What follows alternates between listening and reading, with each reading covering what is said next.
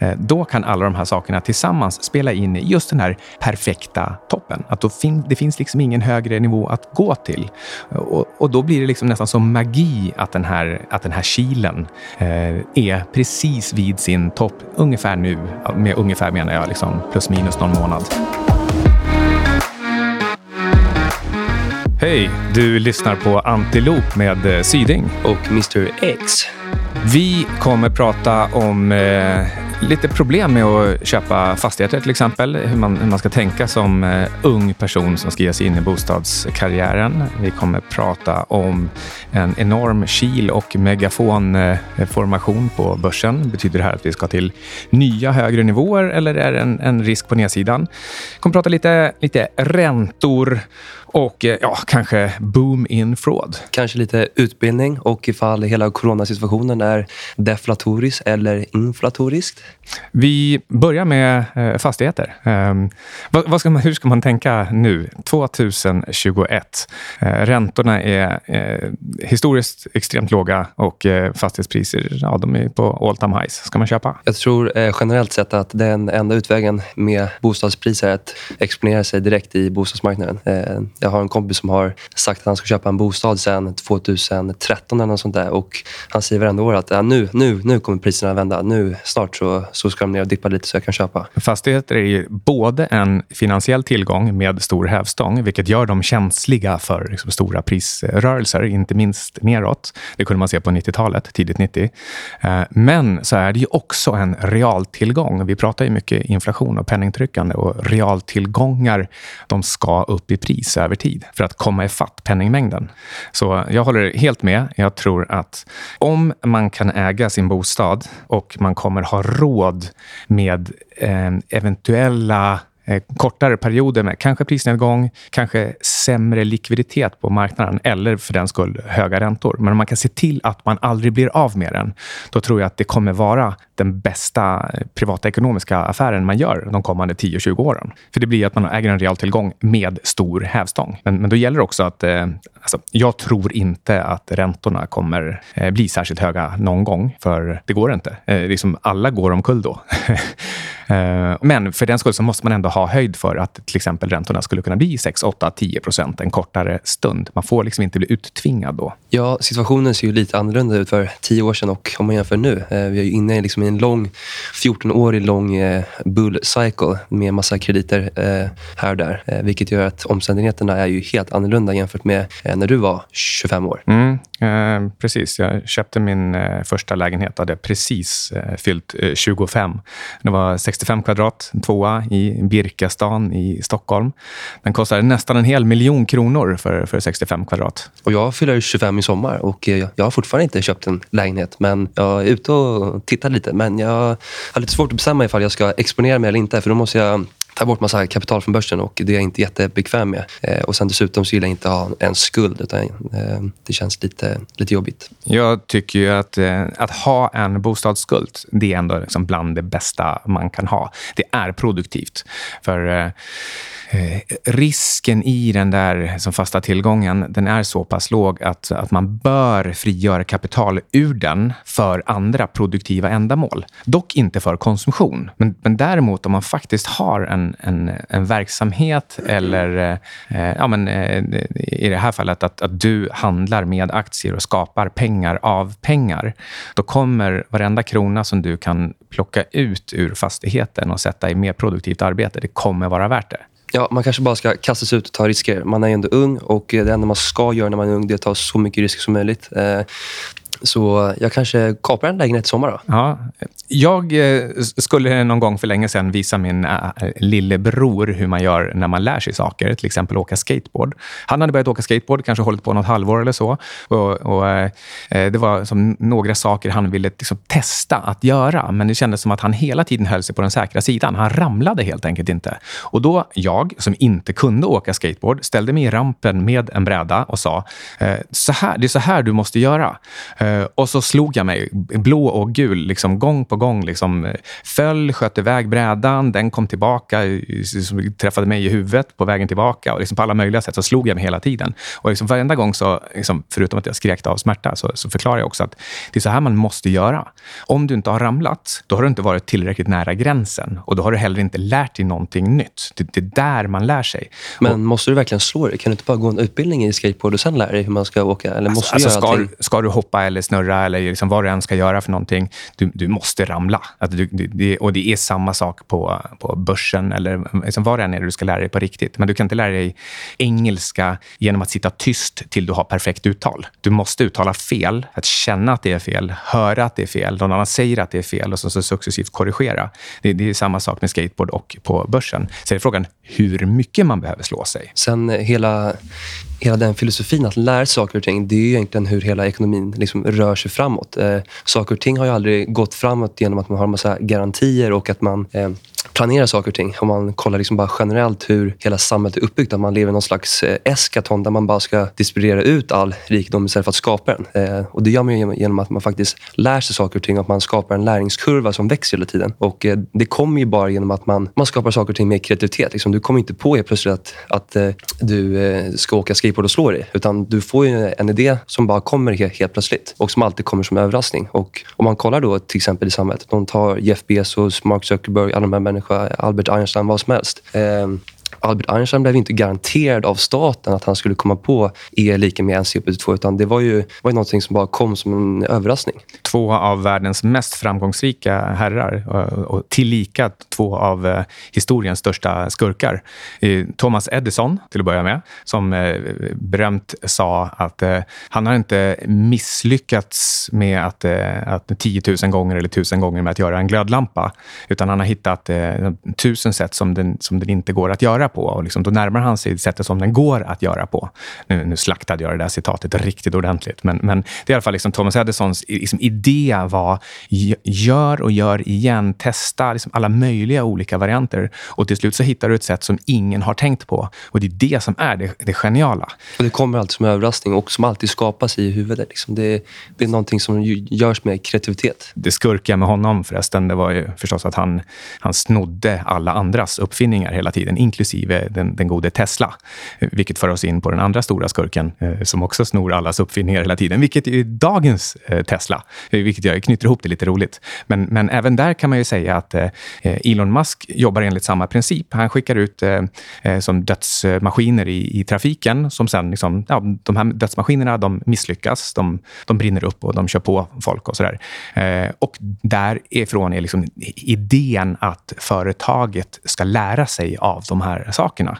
Eh, kanske lite väl extremt, men, men eh, även där handlar det om att eh, eh ja, men, eh, göra saker fort och, och, och, och, krascha saker och sen lära sig därifrån. Ja, han kanske borde ta en utbildning istället. För menar, Han är ju varken ingenjör eller vad man nu ska vara för att kunna driva ett sånt där stort bolag. Ja, han är inte ens grundare av Tesla, vilket ju även det är lite roligt. Summa summarum, man kanske ska utbilda sig och ta en risk.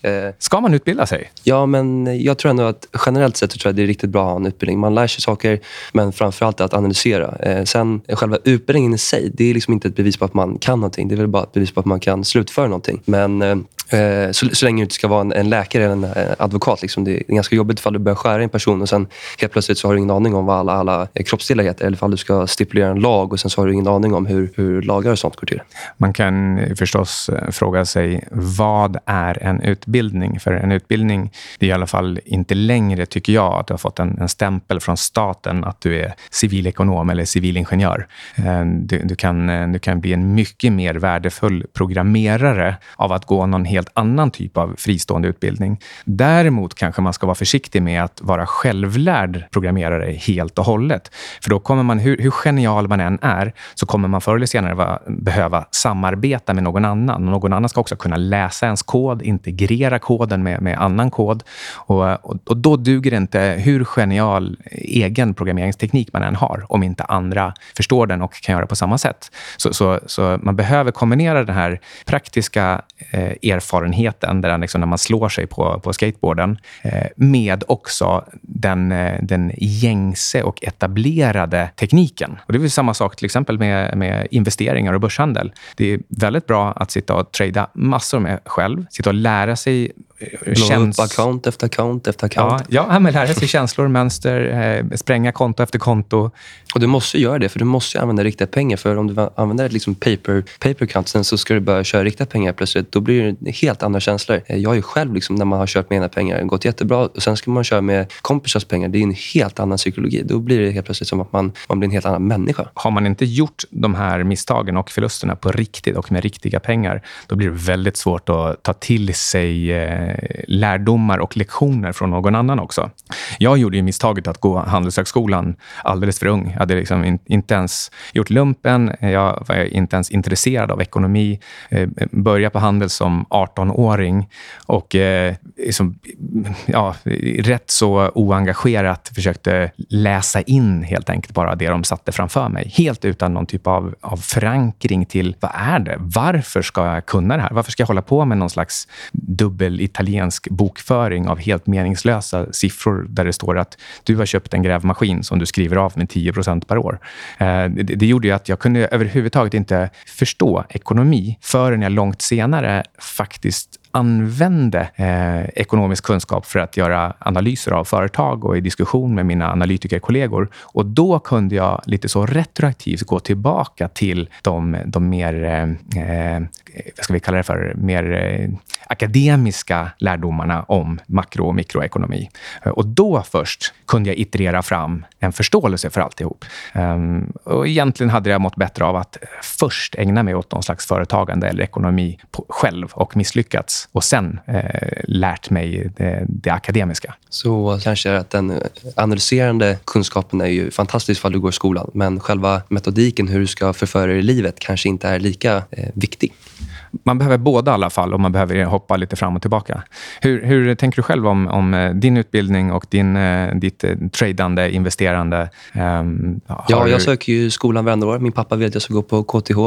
och Eh, Eh, men jag liksom insåg väl ganska snabbt att det där är ingenting för mig. Jag gick eh, civilingenjör civilingenjör, industriell teknik och sånt där, eh, vad jag nu gör. Men jag söker ju varje år, så, bara för att pappsen vill det. Men det, det är verkligen ingenting för mig. Eftersom att du, du lär dig egentligen bara saker och ting som funkar i teorin. Ingenting som, som man lär sig i skolan kan du egentligen applicera på marknaden och ha eh, ny, nytta av och verkligen liksom ta del av. Utan det är ju bara saker och ting som fungerar i teorin. Men eh, om jag fick chansen om, säg tre fem år så skulle jag nog ändå välja att utbilda mig. Eh, jag tror fortfarande att den analyserande förmågan är, är väldigt bra att ha i bagaget. Och Jag tror att det är bra att göra det när man eh, redan har en idé om, eh, om vad det är man vill lära sig. Du, du har en aning om vilka dina luckor kanske skulle kunna vara och du har redan praktisk erfarenhet av, av ett yrke som gör att du, du kan på ett helt annat sätt både ifrågasätta de här liksom, teoretiska resonemangen som skolan kan ge dig och du kan också se när det är att, att de verkligen öppnar upp en, en, en lucka och ett verktyg som du känner, som du först då inser det är det här jag har saknat. Men nu jag förstår verkligen att det är det här jag behöver. Vad sägs om att... Eh, ja, eh, om corona verkligen är inflatoriskt eller deflatoriskt? Ja, eh, du hade en idé här. Ehm. Ja, jag menar ifall folk nu har lärt sig den här läxan att eh, säg att du startar en restaurang och sen så gick det jättebra och sen helt plötsligt så kommer corona och sen så gör det att du går i konkurs och att allting blir ett helvete. Jag menar, du kommer inte tänka nästa gång du startar upp en restaurang att vara, ha allting på belåning, vara full leverage och bara köra eh, gasen i botten. Utan då kommer du tänka mer deflatoriskt. så kommer ha en buffert, du kommer spara, du kommer alltid ha i baktanken att det kan smälla och när det väl smäller så kommer jag vilja ha eh, säkra, säkra grejer på vägen upp. Jag kommer inte vilja köra full belåning utan jag kommer spara lite grann. Vilket i sig borde vara deflatoriskt. Det där låter logiskt. Det låter som ett sätt som jag definitivt skulle tänka på, men så är jag också väldigt försiktig i, i grunden. Um, men det roliga med makroekonomi och med människor är att man vet aldrig hur de faktiskt gör i slutändan. Och Det finns ett begrepp här som heter moral hazard. och Det har att göra med att de som misskötte sig som allra mest och tog mest risk och som levde livet på kanten inför corona, det är de som har fått mest stöd också. Och Det är för att staten och samhället vill inte att folk ska bli utstraffade. För det, för det kostar för mycket i längden. Och, och därför räddar man även de som har gjort som mest fel.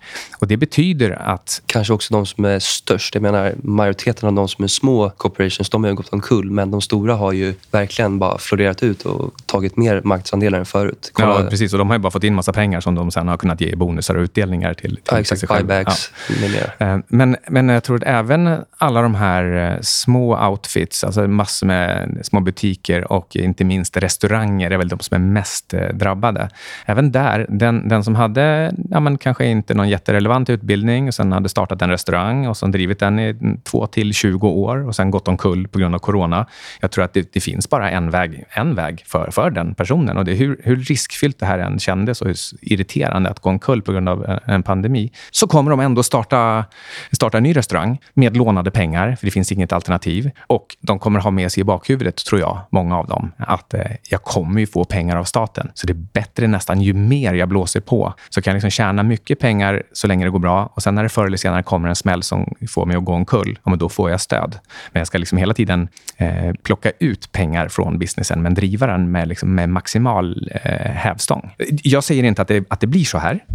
Jag bara säger att det är också en möjlighet. Och Det beror på bland annat att de här restaurangägarna och entreprenörerna, eh, de är helt annorlunda än du och jag. Vi är ju inte restaurangägare eller entreprenörer på det sättet, så vi vet inte hur de tänker. Um, så um, ja, det, det, det, kan vara deflatoriskt. Um, egentligen så pratade vi om, eh, som sista ämne här kan vi säga, du hade ett litet scenario på hur du tror Fed kommer successivt eh, höja tonläget och prata om att eh, ja, men det här ser bättre och bättre ut. Vi måste nog börja tapera. Ja, men eh, för mig att det bara var igår så sa Janet Yellen liksom att the economy is overheating och att eh, vi kanske måste börja tapera redan nu. Ursäkta, jag är lite hes sen förra, eller den här helgen. Jag var nere i Engelsbäck och pratade med min kära kompis, han som har barnvagnsföretaget. och bara snabbt, han, hans aluminiumpris har ju då gått upp 500% så han måste stocka upp hela industrin med massa aluminium för sina barnvagnar, vilket borde reflektera sig i hela ekonomin. Ja, det låter som Annas eh, järngrillar. Eh, här för övrigt så... Eh, jag, jag, jag, tror vi har, gör ett litet, litet stickspår innan vi avslutar med, med, med Fed-historiken.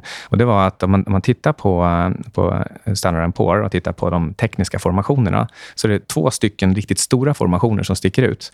Den ena är en slags stigande, avsmalnande kil. Ja, det är väl det en kil är. Um, sen corona slog till och fram till nu på alla all time highs. Um, det här är en typ av formation som skulle kunna um, utlösa en riktigt snabb och stor och skarp eh, nedgång som, som tar oss ännu lägre än coronabotten. Bara rent liksom, tekniskt grafiskt så ser det ut som att det, det, är ett sätt som det här skulle kunna, skulle kunna utvecklas på. Um, men, men, men sen kommer jag alltid fråga sig vad har man för fundamentala eh, saker som talar för det i slutändan. Och där kanske vi kommer in på hela tapering-resan och vad, hur Fed kommer se på det här och vad, vad de kommer göra göra. Jag tror om man bara kollar senaste statements, de här reportsen som Fed skickar ut, att de sa att de förra var att de, de såg ingen inflation alls, men att nu faktiskt att de börjar se det. Och Det är ganska eh, skrämmande att Fed säger att de, att de ser inflation, för de har alltid sagt att de, att de inte ser någonting fast att det är uppenbart att vi har inflation. Jag tror att det de ser det är den här tillfälliga spiken som vi är i nu. Och Jag tror att den är ganska tillfällig, åtminstone i de måtten som de tittar på, alltså till exempel KPI. Jag tror att spiken här kommer av eh, svaga jämförelsetal jämfört med förra Q1, Q2, precis i mitten av coronakrisen. Och jag tror att den kommer av att penningtryckandet har liksom till slut, av tvång kan vi säga, lyft de grundläggande råvarupriserna. För om, om du som eh, kakao eller vetebonde ska ha råd att leva, då Eh, du har massa insatskostnader som har gått upp och då har du nu tagit betalt i form av högre vetepriser. Eh, och, och, och de letar sig in i brödpriser och de letar sig till slut in i att folk kräver högre lön för att du ska ha råd med, med ditt bröd. Så det här är liksom de första inflationsimpulserna som kommer av att först blev alla tillgångar och aktier dyra eh, och sen måste alla råvarupriser, inklusive koppar, guld och uran, de måste fatt förr eller senare så att man har liksom en, en jämviktsnivå mellan aktiepriser och fastighetspriser och råvarupriser råvarupriser. Så kombinationen med en kil och att Fed kanske bör, kommer börja tejpra kanske är en ganska fin eh, sannolikhet. Det skulle verkligen kunna ge den där paniken. Eh, du nämnde det här med hur toppar kommer till. Ja, bottnar skapas ju aldrig på att det är bra ekonomisk data utan det är ju alltid att eh, eller datan är så pass dålig. Och, och toppar är ju exakt samma sak. Det ju, en topp skapas ju aldrig på att, att datan är dålig utan den skapas ju alltid på att datan är extremt bra. Eftersom att när du estimerar någonting och sen så lever du inte upp till det gör att man blir missnöjd och då skapas vissa känslor som gör att man måste agera. Det här eh, passar också väldigt bra in i eh, själva eh, tidsperspektivet. För nu i Q1 var väl Kinas BNP upp ungefär 18 procent och det var de som var hårt drabbast i, hårdast drabbade i, i Q1 av corona. Q2 då är det resten av världen som var hårdast drabbade, vilket innebär att det blir väldigt lätta jämförelsetal både för alla företag och för BNP, vilket innebär att vi, vi kommer få se väldigt starka data, alltså väldigt höga tillväxtsiffror på alla möjliga olika håll. Och om det då sammanfaller sammanfaller med att eh, råvarupriser och annat också ger hög KPI-inflation och Fed känner sig tvungna att gå ut och ändra narrativet till att det är dags att eh, hålla igen lite på stimulanserna. Eh, då kan alla de här sakerna tillsammans spela in i just den här perfekta toppen. Att då fin det finns liksom ingen högre nivå att gå till. Och, och då blir det liksom nästan som magi att den här, att den här kilen eh, är precis vid sin topp ungefär nu. Med ungefär menar jag liksom plus minus någon månad. Sen har vi också rekord inside selling eh, som är också ganska intressant. Att alla stora företag har rekord eh, med, med att sälja liksom stocks jämfört med alla retail som bara köper upp allting. Men för att inte det här ska låta som att vi är überbäsade och att det enda vi kan se är att börsen ska ner en massa, så, så är det faktiskt också så att eh, det kan vara så att den här, den här rörelsen från coronabotten och uppåt till nu och kanske en bit till, eh, det är ett platåskifte. Platåskiftet sker på grund av alla stimulanser och penningtryckande. Det, liksom, prisnivåerna på allt möjligt ska upp. Och först gick börsen upp liksom 100 procent och sen går råvarupriserna upp 100 procent. Eh, det som saknas det är att guld och uran ska upp till exempel 100 procent. Och sen och, kanske vi har också bondmarknaden som kommer först. Då. Först bonds, sen stocks, sen råvaror. Ja, precis. Det finns liksom en tågordning där. Men så ska även KPI och löner ska också upp 100 procent. Eh, och, och liksom i vilken ordning som de drar varandra eh, och, och och, om verkligen alla ska upp liksom samma eh, liksom ordernivå. Eh, det, det, är liksom inte självklart, men, men det, det jag vill få fram är att det är absolut inte självklart att, att bara för att vi ser toppformationer eller tapering från Fed eller lite högre räntor så betyder inte det att börsen måste kollapsa enligt eh, liksom, den här kilformationen. Nej, inte. Kor korrelationen mellan räntor och aktier finns ju inte. Den enda korrelationen är liksom realräntan och guld. Det, det är den som stämmer. Men det finns ju massa år där man har tejpat och höjt räntan men att börsen fortfarande går bra. Så eh, bara för att räntor ska gå upp så betyder det inte alls att, att aktier ska ner. Men, Nej, if... men, men, däremot så tror jag att eh, relativpriser mellan olika saker, till exempel då guld, koppar, uran eh, och börsen. De relativpriserna behöver justeras för de har gått isär något enormt när börsen har gått upp så mycket som den har gjort. Um, och, och, och, Det gäller även andra råvarupriser. Men du har ju till exempel eh, timmer och, och vete och majs och sånt där. Det har ju liksom börjat göra det det ska. Men det, det finns en bra bit kvar enligt Anna i alla fall. Och med det här sagt så... Har du lyssnat på Anti... Du har lyssnat på Antiloop Podcast som produceras i samarbete med Vexatom Media. Ingenting som du har hört i det här avsnittet har varit någon form av rekommendation och alla placeringar är förknippade med risken att förlora hela eller delar av ditt kapital. Glöm inte att prenumerera i din podcastapp och lämna gärna en recension så hjälper du oss nå ut till fler lyssnare. Mer information om Antiloop hittar du på antilophedge.com. Där får du även tillgång till Antiloops senaste memos.